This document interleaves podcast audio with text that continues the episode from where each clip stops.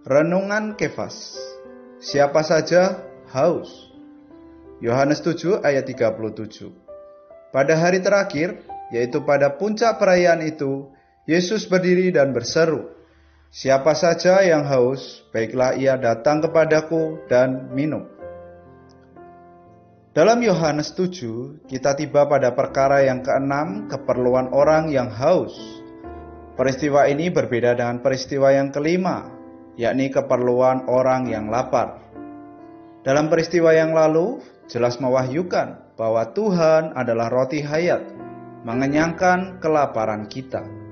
Sedangkan dalam peristiwa ini, Tuhan membawakan aliran air hayat yang meleraikan haus kita. Dalam peristiwa yang kelima, orang-orang sedang lapar dan dalam peristiwa keenam, orang-orang sedang haus. Peristiwa kelima menyuguhkan roti hayat kepada kita Sedangkan peristiwa keenam memperkenalkan air hayat. Roti hayat bagi orang yang lapar, sungai air hayat bagi orang yang haus. Terhadap yang haus, Kristus adalah hayat pelerai haus. Dia adalah hayat yang mampu melaraikan haus orang. Hari Raya Paskah adalah hari raya pertama dalam tahun ini, satu tahun. Ini menyiratkan permulaan hidup manusia. Bandingkan dengan Keluaran 12 ayat 2 sampai 3 6 menyinggung tentang manusia mencari kepuasan tetapi berakhir pada kelaparan. Hari Raya Pondok Daun adalah hari raya yang terakhir dalam satu tahun, menyiratkan kelengkapan dan kesuksesan hidup manusia. Bandingkan dengan Keluaran 23 ayat 16. Tetapi semuanya ini juga akan berakhir dan kesudahannya adalah kehausan. Dalam suasana hari raya Paskah, Tuhan mengatakan bahwa dirinya adalah roti hayat untuk mengenyangkan orang. Dalam suasana hari raya Pondok Daun, Tuhan berjanji akan mengalirkan air hidup dalam meleraikan dahaga orang. Sobat Kefas, hari raya apa yang sedang Anda tempuh?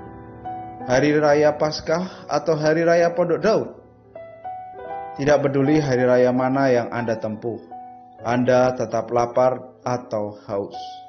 Entah keadaan Anda miskin atau kaya, kekurangan atau berlebih, Anda akan menyadari bahwa Anda sedang kelaparan atau sedang kehausan.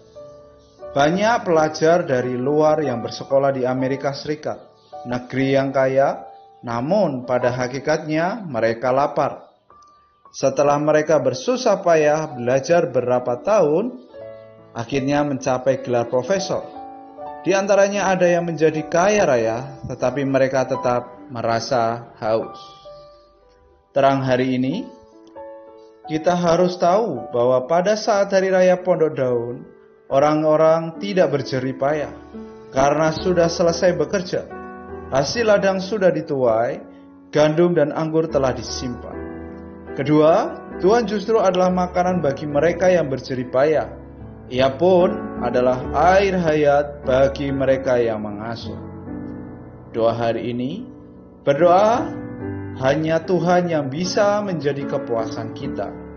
Dan hanya Kristus yang dapat meleraikan haus mereka yang sedang mengasuh dan bersenang-senang pada hari raya Pondok Daun. Amin.